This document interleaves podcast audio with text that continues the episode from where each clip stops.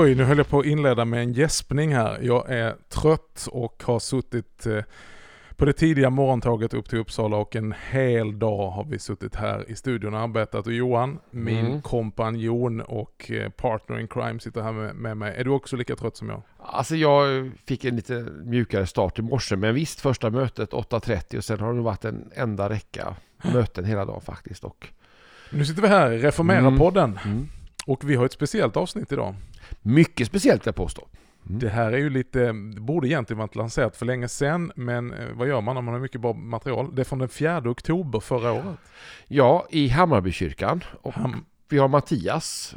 Ja, Hammarby. Hammarbykyrkan där jag och Mattias har, har jobbat båda två deltid som präster under 2020 och eh, vi, eller egentligen inte vi utan faktiskt Hammarbykyrkans styrelse som kom med den här visionen. De har ju köpt in sig på helkyrklighet och vill ju ha samtalskvällar om helkyrklighet. Så Hammarbykyrkan talar helkyrklighet och vi planerade fyra stycken sådana i höstas var på grund av pandemin vi bara kunde genomföra en. Mm. Därför kom vi av oss lite. Men då spelade vi ju in, det var ju i samarbete med Reformera-podden, var det Mm. tänkt att vara alla Mm. fyra gångerna.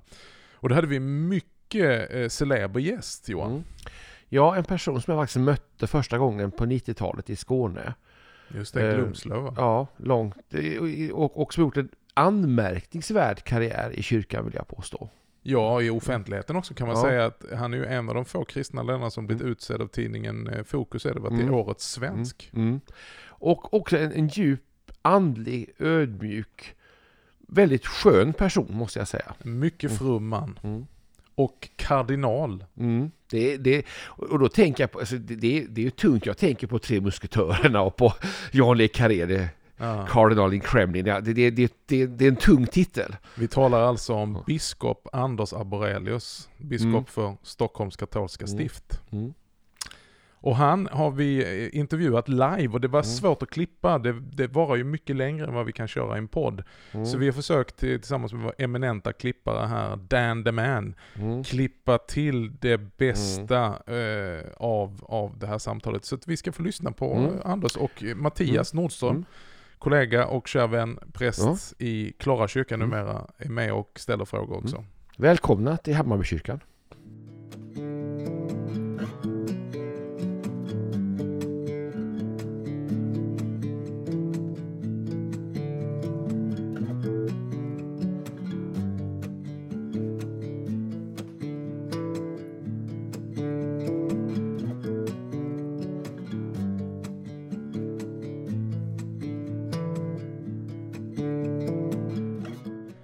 Anders Arborelius, biskop i eh, Stockholms katolska stift. Varmt välkommen Anders till det här Tack samtalet. så mycket. Tack. Och eh, du blev faktiskt utvald till Årets svensk av tidningen Fokus, tror jag det var, 2017. Kanske på ett sätt en av de mest kända kristna företrädarna i Sverige. Men om vi är nyfikna på biskop Anders, om du berättar lite grann kortfattat om dig själv. Hur du kom till tro och hur din resa har ledit fram. Jag förstår att det finns material här till många böcker, men om du berättar lite om dig själv. Det är ganska odramatiskt skulle jag säga.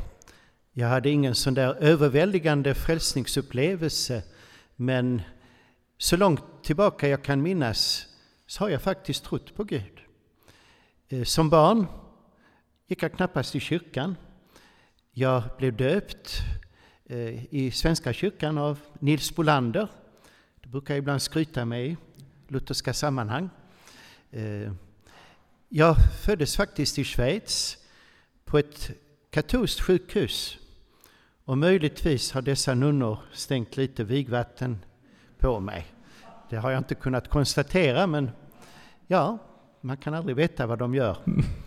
Eh, Så att jag har haft kontakt med katolska kyrkan ända som barnsben och som ung. Och just mötet med de här systrarna, Birgitta-systrarna, har präglat mig. För inte så länge sedan fick jag frågan i något sammanhang, vilka präster påverkade dig som ung? Då tänkte jag efter, nej det var ingen präst, jag kände ingen präst, utan det var dessa systrar. Eh, naturligtvis var det en lång väg innan jag tog steget att eh, bli katolik. Men det var alltså stegvis, lugnt och stilla, som jag på något sätt växte in i en medveten kristen livshållning. Och eh, jag brukar säga att det är svårt att kalla sig konvertit när man egentligen inte... Mm. Man var formellt med i Svenska kyrkan men kände sig allmänt som kristen. Och jag kan säga att som barn har jag alltid bett aftonbön. Så bönen har funnits med. Och därför var det kanske inte så konstigt att jag så småningom valde att träda in i en orden, karmelitorden, som lägger väldigt stor tonvikt just vid den inre tysta och stilla bönen. Men hur som helst, efter studenten eh, började jag läsa moderna språk i Lund. Och samtidigt gick jag då i katolsk trosundervisning i Malmö. Det kära Malmö. Och eh, efter ett och ett halvt år eh, ansågs jag mogen att tas upp i kyrkan. Också då i ett systrakloster i Malmö som inte finns längre. Och jag fortsatte då mina studier och det fanns väl med, kanske redan då, en tanke på att Eh, jag ville bli präst. Och faktiskt ett år efter min konversion uppsökte jag den dåvarande katolske biskopen i Stockholm, John Taylor, och sa att jag var intresserad. Nej, det är för tidigt, sa han. Och det var det ju faktiskt, efter ett år. Fast då tyckte man ju det var lite snopet. Eh, men under den tiden eh, fortsatte jag att läsa. Och då läste jag tillsammans med blivande präster i Svenska kyrkan grekiska och hebreiska i Lund. Så det var väl först då jag började få kontakt med en del eh, ja, blivande präster i Svenska kyrkan. Och eh, under den tiden eh, hamnade jag en sommar i Luxemburg i ett benediktinkloster där jag skulle arbeta i trädgården och i biblioteket. Och det är typiskt för munklivet, man kombinerar det mer andliga, intellektuella med mer praktiskt arbete. Och där fick jag då tag på en bok av ett helgon som vi faktiskt firar idag. Therese av Jesusbarnet, den franska karmelitsystern vars reliker gjorde en turné genom hela Nordeuropa för några år sedan. Alltså ett mycket folkligt populärt och som jag förstår många i EFS känner igen något av hennes fromhet i sitt eget fromhetsliv. Så det är ju lite intressant. Det som då tog mig väldigt starkt var att hon ville leva i kyrkans hjärta. Hon ville göra allt för Jesus. Hon sa, jag kan inte göra allt, jag kan inte vara både präst, ordenssyster, men jag vill ge mig själv till Jesus för världens frälsning i kyrkans hjärta. Så det var på något sätt genom henne som jag fick mm. eh, tanken att bli karmelitbroder. Om jag bryter in där lite, biskop Anders. Eh, du tillbringade alltså, om jag har förstått det rätt, 27 år som karmelitbroder. Det stämmer, ja i då det som eh, lite är kännetecknande för karmeliterna är tystnad och bön. Ja. Berätta för oss nu om denna erfarenhet i det på ett sätt annorlunda liv du lever nu med stort ansvar som biskop och också då kardinal. Hur har det format ditt liv och vilka rikedomar och erfarenheter tar du med dig från dessa år? Jag skulle säga att eh, att vänja sig vid ett entonigt eh, stilla liv på Skåneslätten där det ofta är mörkt, blåsigt och kallt tar sin tid. Alltså just denna eh, stillhet där det inte händer så mycket eh, och att i den världen kunna öppna sig på det inre för Gud. Det tror jag var det som på något sätt betydde väldigt mycket att Gud är med oss överallt och alltid. Hans kärlek och nåd kommer till oss, inte i de stora känslorna, Inte att det alltid känns bra, fint och skönt. Men just i det vanliga livet, att veta att jag befinner mig alltid i Guds närvaro. Jag kanske inte alltid tänker på det, men det blir en slags andra natur. Att veta att Gud är medveten om mig, även om jag inte alltid är medveten om honom. Mm. Att han alltid ser på mig, eh, ibland nöjd, ibland förmanande, eh, allt efter vad jag är. Alltså detta att inte leva bara jag, utan leva i du-relation. Och därför brukar jag alltid fråga människor, är Gud, vilket pronomen använder du om Gud? Är det du eller han? Eller om man är feministteolog, hon. Men du, det tror jag är avgörande att komma in i ett liv där vi hela tiden inte lever i och för oss själva utan i denna ja, ständiga ögonkontakt eller hjärtkontakt med Jesus Kristus och genom honom med Fadern. Och det lär man sig, skulle jag säga, vare sig man vill eller ej, i ett sådant liv. Det är liksom det enda fasta i tystnaden, att eh, det är någon annan som är med mig, som vill mig väl, som ser mig och som vill förvandla mig steg för steg. Och eh, det är ju något som man då har fostrats in i oavsett vad man gör. Och många människor frågar mig då, var det inte stor skillnad att leva i klostret och bli biskop? Jo, på ytan var det ju det, men inte på det inre planet. Eftersom det på något sätt hade blivit en annan eller sann natur att alltid försöka leva i detta ständiga kärleksflöde. Där den heliga Ande förbinder oss med Kristus och Kristus med Fadern. Alltså detta levande vatten som väller upp. Även när det är tråkigt. Eh, oftast säger oh, det är så tråkigt att gå i mässan. Ja, men det ska det ju vara, det är ingen nöjesindustri. Men att kunna förstå att Gud är med i dessa ja, tomma ögonblick när ingenting händer, ingenting känns, ingenting ger oss någonting. Så för mig har det varit en väldigt nyttig skola. Som biskop händer det hela tiden saker. Man vet aldrig från den ena dagen till den andra. Men att då inte gå upp i problemen och utmaningarna helt och hållet utan ha en slags distans till det yttre och bli kvar i den inre verkligheten.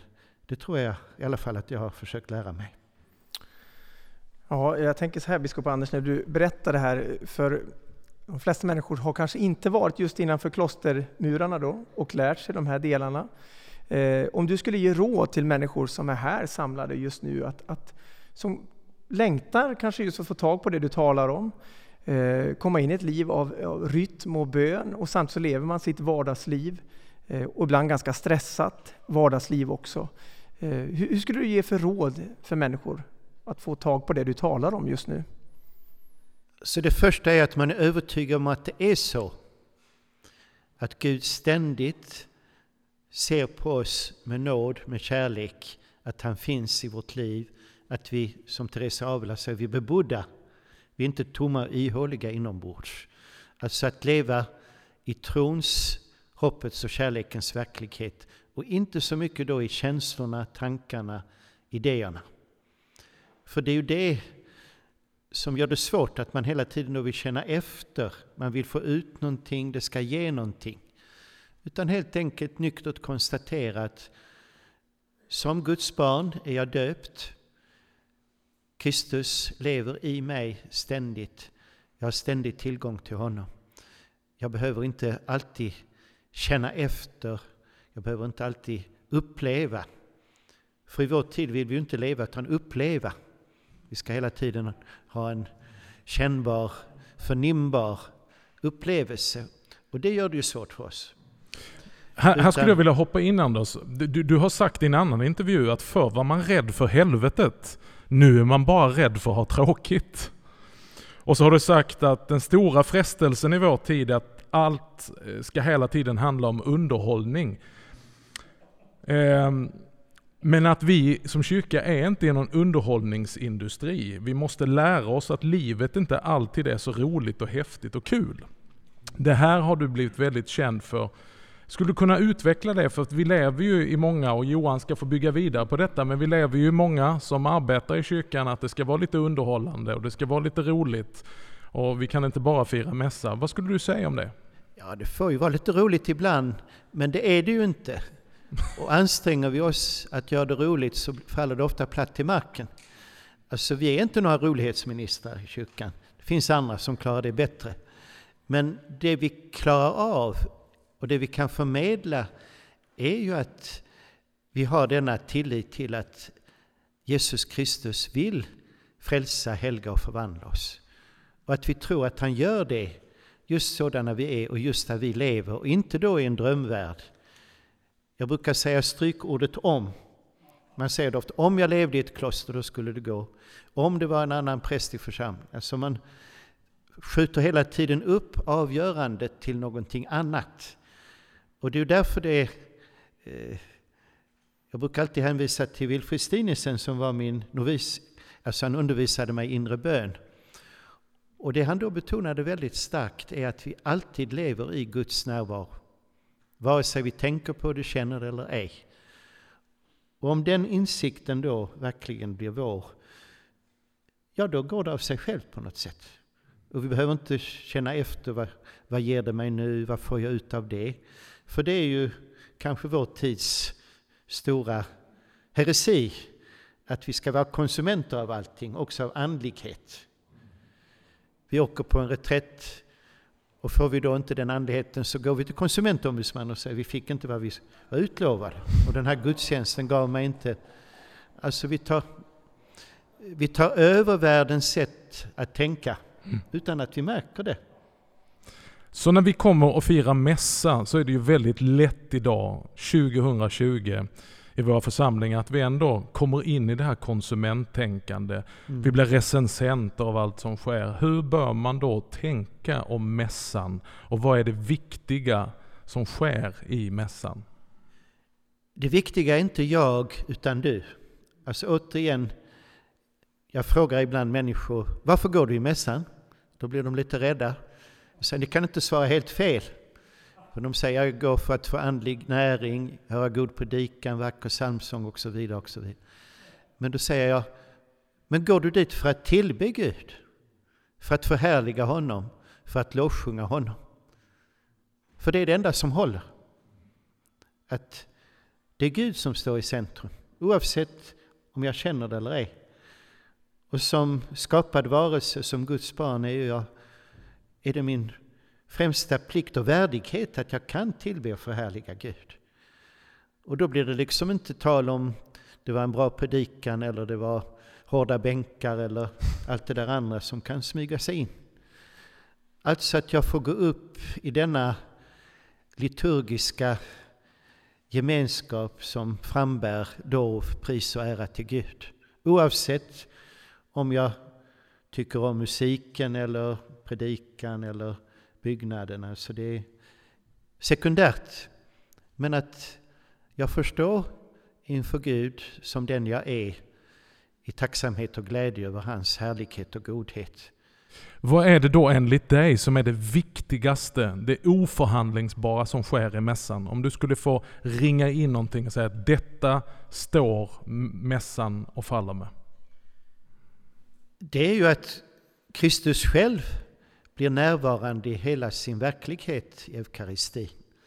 Att han av kärlek till oss låter oss ta del av hela hans mysterium i ett personligt möte som samtidigt möte med hela hans kyrka.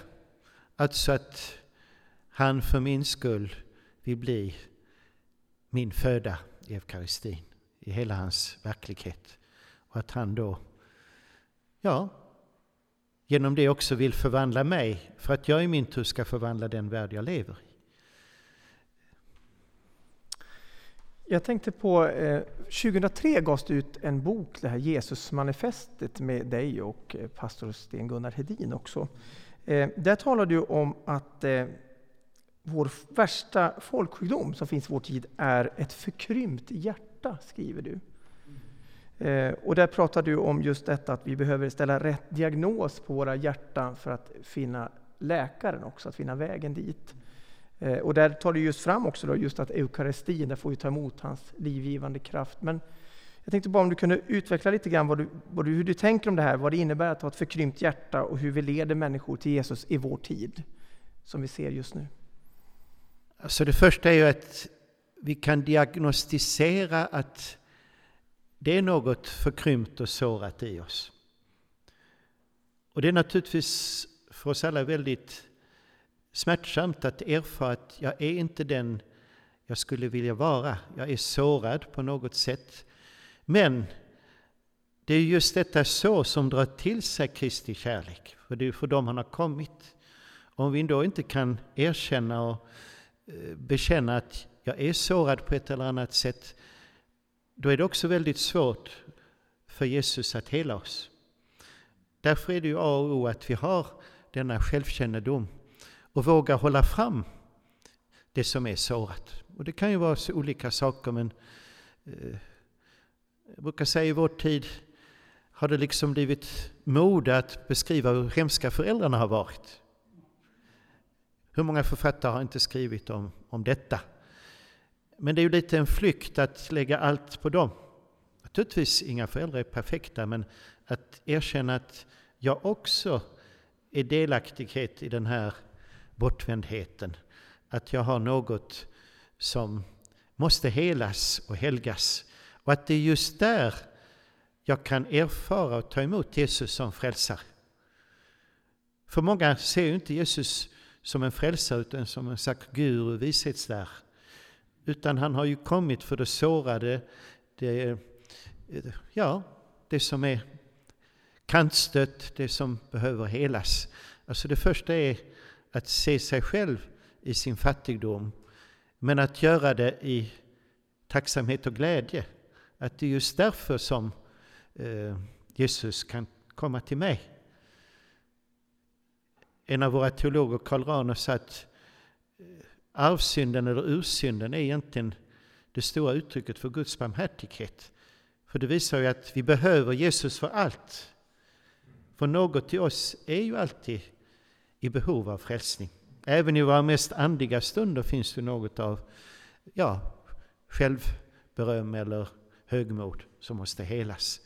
Alltså att inte vara rädd för att vi har ett förkrympt hjärta, utan erkänna att det är just där som Jesu hjärta kan återspeglas och steg för steg befria oss från mm. denna eh, förkrympthet och detta sår som kan vara så mycket, men som vi alla egentligen vet, men ibland inte vill erkänna. Mm. Biskop Anders, vi ska gå in på temat helkyrklighet och de ekumeniska dragen här. Man kan ju säga att den katolska kyrkan i Sverige, som har funnits väldigt länge men har den senaste tiden, de senaste decennierna verkligen blivit tydlig. Om du skulle säga, vad är de viktigaste bidragen katolska kyrkan har som den kan påminna resten av kristenheten om? Om du skulle ringa in någonting och säga, det här tror jag är viktigt. Ja, jag brukar då säga det vi säger i trosbudgeten, en helig katolsk apostolisk kyrka. Alltså enheten. Och enheten har ju så många olika lager. Alltså enheten med Gud är ju något som vi alla mer och mer måste ta till oss. Och gör vi det, då får vi också den här längtan att vi alla ska bli ännu mer rätt. Och därför tror vi att just påvens roll är så viktig som eh, enhetsbärare. Och där har det väldigt ändrat sig. För 30-40 år sedan var det inte ovanligt att man sa att påven var antikrist i vissa miljöer. Det säger man inte längre utan många ser då påven som en slags symbolfigur också i andra kyrkor för enheten. Alltså enheten eh, är på något sätt ett eh, imperativ. Sen kommer då heligheten, att kyrkan ska vara en helgelsens skola där vi tillsammans växer allt djupare in i mötet med den Gud som vill hela, helga och förvandla oss. Och eh, det tror jag också är något som man mer och mer eh, ser i alla kyrkor. Att speciellt i en sekulär miljö blir det ju väldigt tydligt att om man var, ska vara kristen så måste man verkligen lägga manken till och försöka gå i Jesu fotspår. Annars försvinner man ut i träsken eller i Eh, tassemackorna tassemarkerna eller vad man nu säger. En helig. Så kommer vi då till katoliciteten, det katolska, det allomfattande. Att eh, detta är något som finns i alla kulturer, alla folk, alla sociala miljöer. Att den heliga Ande är verksam överallt för att samla, binda ihop och ja, helga oss. Och sen då apost apostoliciteten. Att eh, Kristus eh, har instiftat apostlaämbetet som på något sätt måste leva vidare. Och i alla kyrkor finns det ju någon form av, ja, vikt ämbete, herdeämbete eller hur man nu karaktäriserar det. Och eh, därför skulle man kunna säga att det som är typiskt katolskt finns i någon form egentligen i alla kyrkosamfund. Fast man kanske inte riktigt ser det eller vill eh, riktigt ta till sig att, ja, Eh, att det finns, att det som kanske på ytan skiljer oss också kan förena oss. Sen yttrar sig allt detta naturligtvis på väldigt olika sätt. Men eh, jag skulle säga att det den katolska kyrkan vill förmedla är just egentligen det som Jesus har lämnat efter sig och som vi alla i alla kyrkor längtar och hoppas på att det ska mer och mer förvandla oss och föra oss samman. Jag, jag tänker biskop Anders osökt då på påvens besök här för några år sedan mm. med och det momentum som fanns i det ekumeniska samtalet. Jag upplever att det har stannat av. Det är väl så att ekumeniken är väldigt olika i olika delar av världen. I vår kulturkrets tror jag att ekumeniken har på något sätt stannat kvar på två speciella områden. Dels på det andliga området, när det gäller spiritualitet, bön, och på det sociala området. Kristna i Sverige kan enas mer på de här områdena när det gäller de stora teologiska och dogmatiska frågorna och vissa etiska frågor är det svårare. Det är helt riktigt. Och vad behövs om vi ska komma vidare på det området? Ja, naturligtvis behöver vi då den heliga Ande som sätter fart på oss och hjälper oss att ta de här stegen vidare. Jag tror inte det är något vi kan trolla fram, utan här gäller det att vänta på Guds ingripande helt enkelt. Men därför är det viktigt att på de områden där vi ser att det redan nu fungerar, att det förstärks. För många av svårigheterna beror ju inte på eh, egentligen teologiska och dogmatiska utan det beror på historiska, sociala och andra skillnader. Jag brukar alltid säga att den katolska och den ortodoxa kyrkan står ju varandra väldigt nära. Men där finns det ofta gamla historiska svårigheter som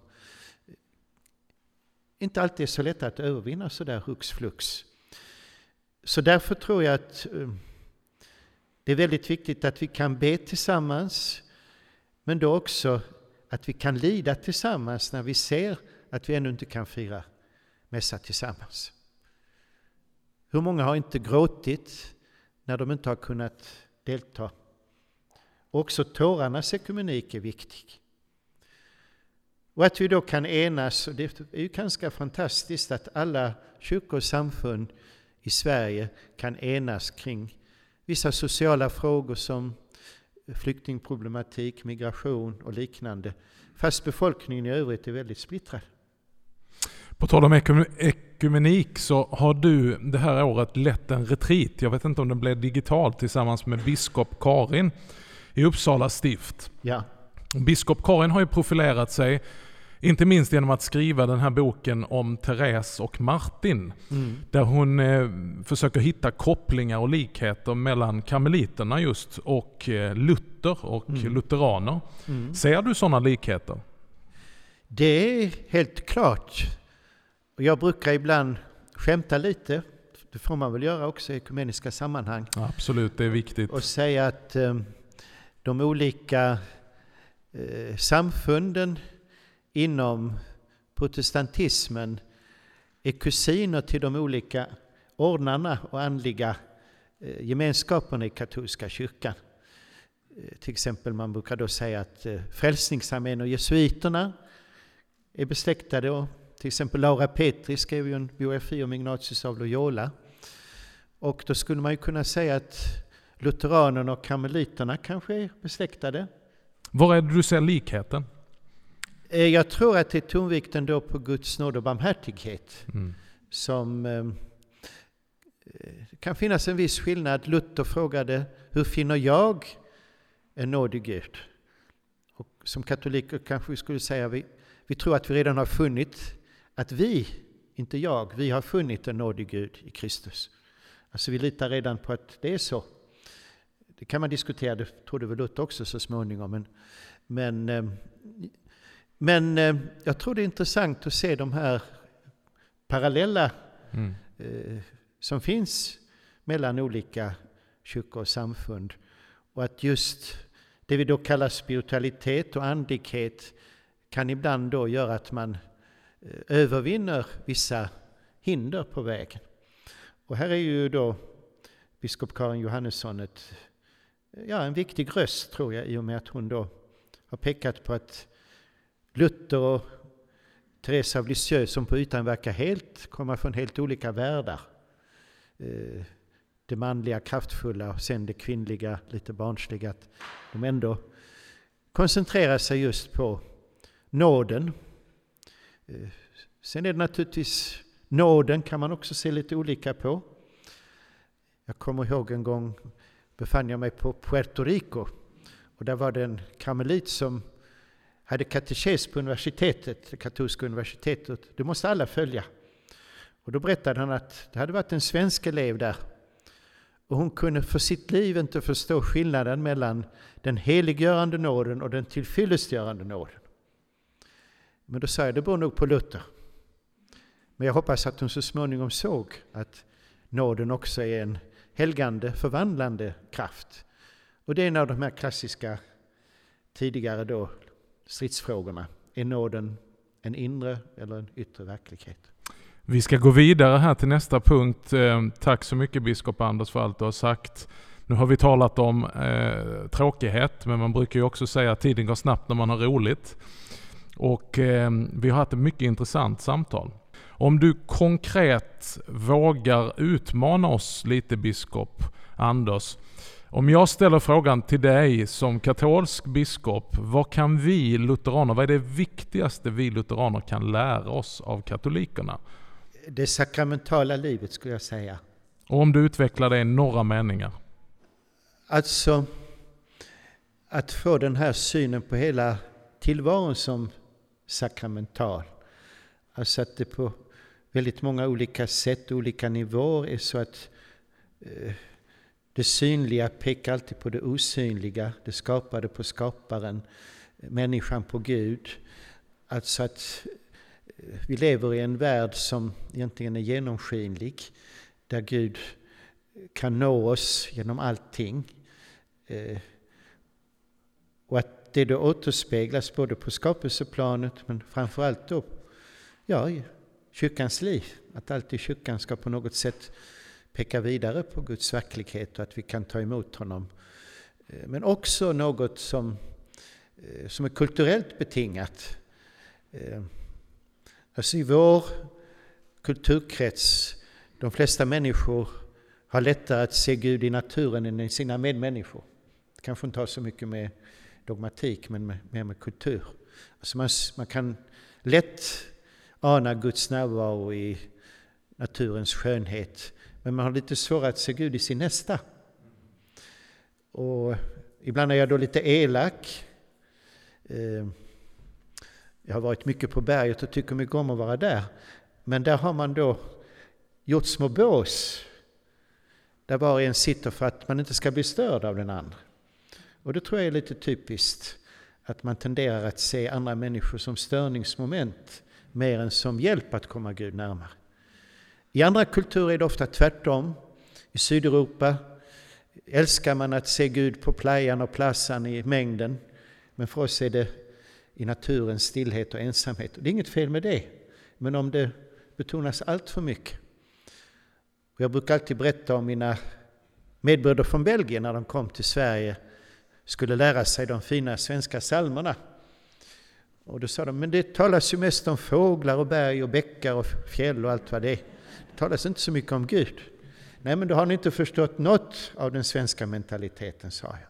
Så nu frågar de inte längre det.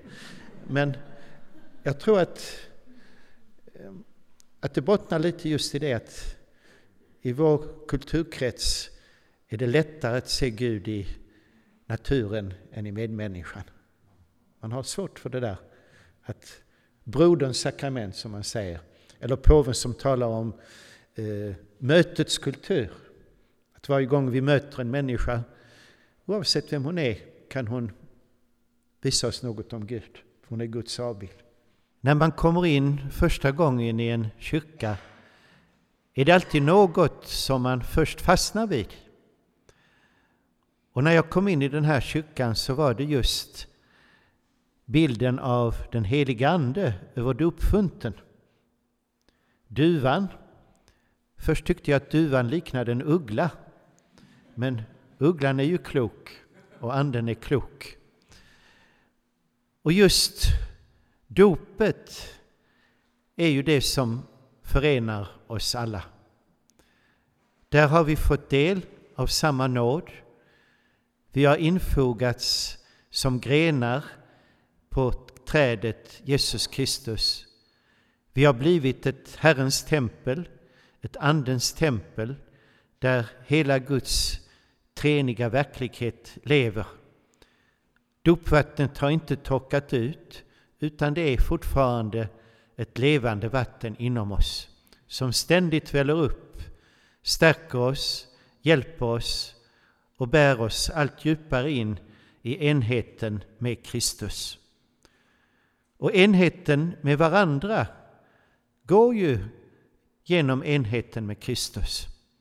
Ju närmare var och en av oss kommer Kristus, desto mer kommer vi varandra närmare. Och det är likadant med våra kyrkor och samfund. Man berättade en gång, en av våra präster i Södertälje, när det var ett förslag att katolska kyrkan skulle få vara med i det lokala ekumeniska rådet. Men då var det några andra som var emot. Men man bjöd i alla fall dit den katolske kyrkoherden. Och då skulle han förklara sin syn på ekumenik. Då ritade han upp på tavlan där var Sankta Ragnhild, där var Philadelphia, där var Sankt Ansgar, där var Elim och allt vad det hette. Och sen skrev han Kristus i mitten. Hur kommer vi varandra närmare? sa han.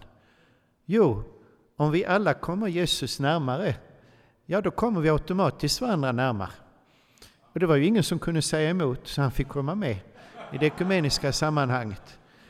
Alltså, ibland är det lite lite lättare än vi tror. Och vi hakar ofta upp oss på det som skiljer mer än på det som förenar oss. Och därför tror jag att i alla ekumeniska sammanhang måste vi bli kvar i dopfunten. Dopet är ju en förblivande verklighet. Och all kristen spiritualitet är ju en dopets spiritualitet. Allt utgår från detsamma. Sen ser vi hur verksamheterna, tjänsterna och gåvorna kan vara väldigt olika. Både när det gäller oss som personer och våra samfund eller ordnar, eller vad vi nu kallar den del. Men om vi utgår från dopet, ja, då vet vi att vi är redan ett på det planet. Vi är redan infogade i Kristi mysterium. Och där möter vi också varandra. Och det gör att vi kan känna igen något av Jesus i varandra. Både i varandra som personer och som kyrkor och samfund. Och just det är en väldig glädje att upptäcka att jag kommer Jesus närmare genom dig. Du är inte ett störningsmoment. Även om du stör mig så väcker du mig. Även om du är jobbig så hjälper du mig att hyvlas av. Johannes av Korset skrev att vi ska, i klostret ska vi betrakta alla andra som hantverkare som Gud har satt där för de ska hyvla av oss och gnida av oss. Och ser vi på det sättet i församlingen, ja, då blir vi glada när någon gör det jobbigt för oss, säger emot oss, är besvärlig. För ibland hjälper vi varandra att komma närmare Kristus just genom våra svaga kanter. Inte bara genom att alltid vara snälla och vänliga, utan också genom att gå varandra på nerverna och trampa varandra på fötterna.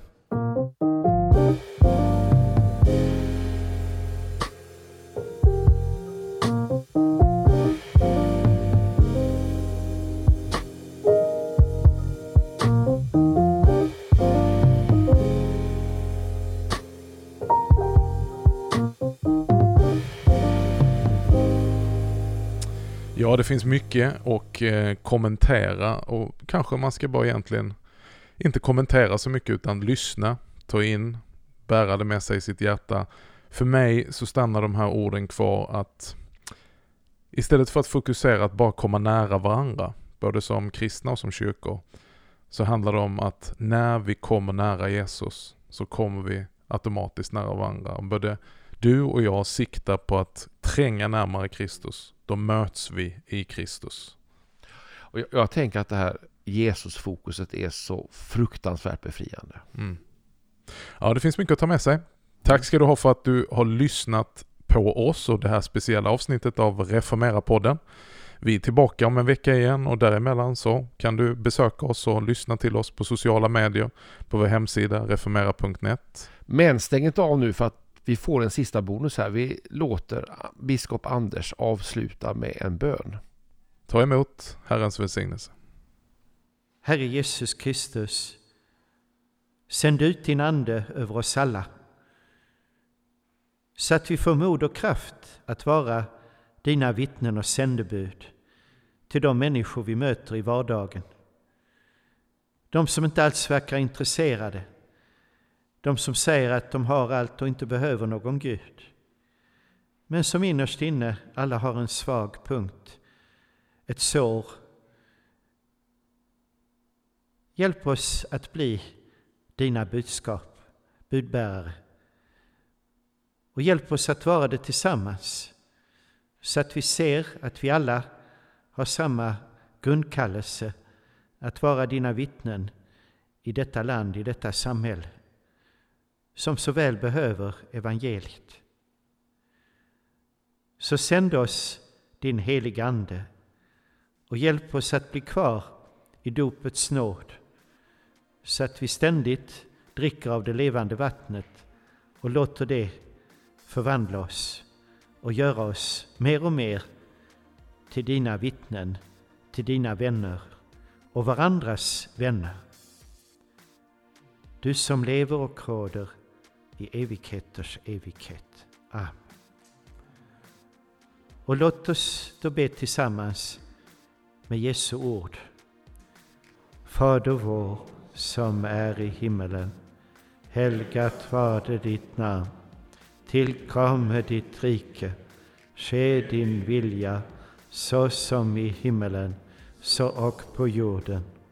Vårt dagliga bröd giv oss idag och förlåt oss våra skulder så som och vi förlåta dem oss skyldiga äro. Och inled oss icke i frestelse utan fräls oss ifrån ondo. Ty riket är ditt och makten och kärligheten evighet. Amen. I Faderns och Sonens och den helige Andes namn. Amen.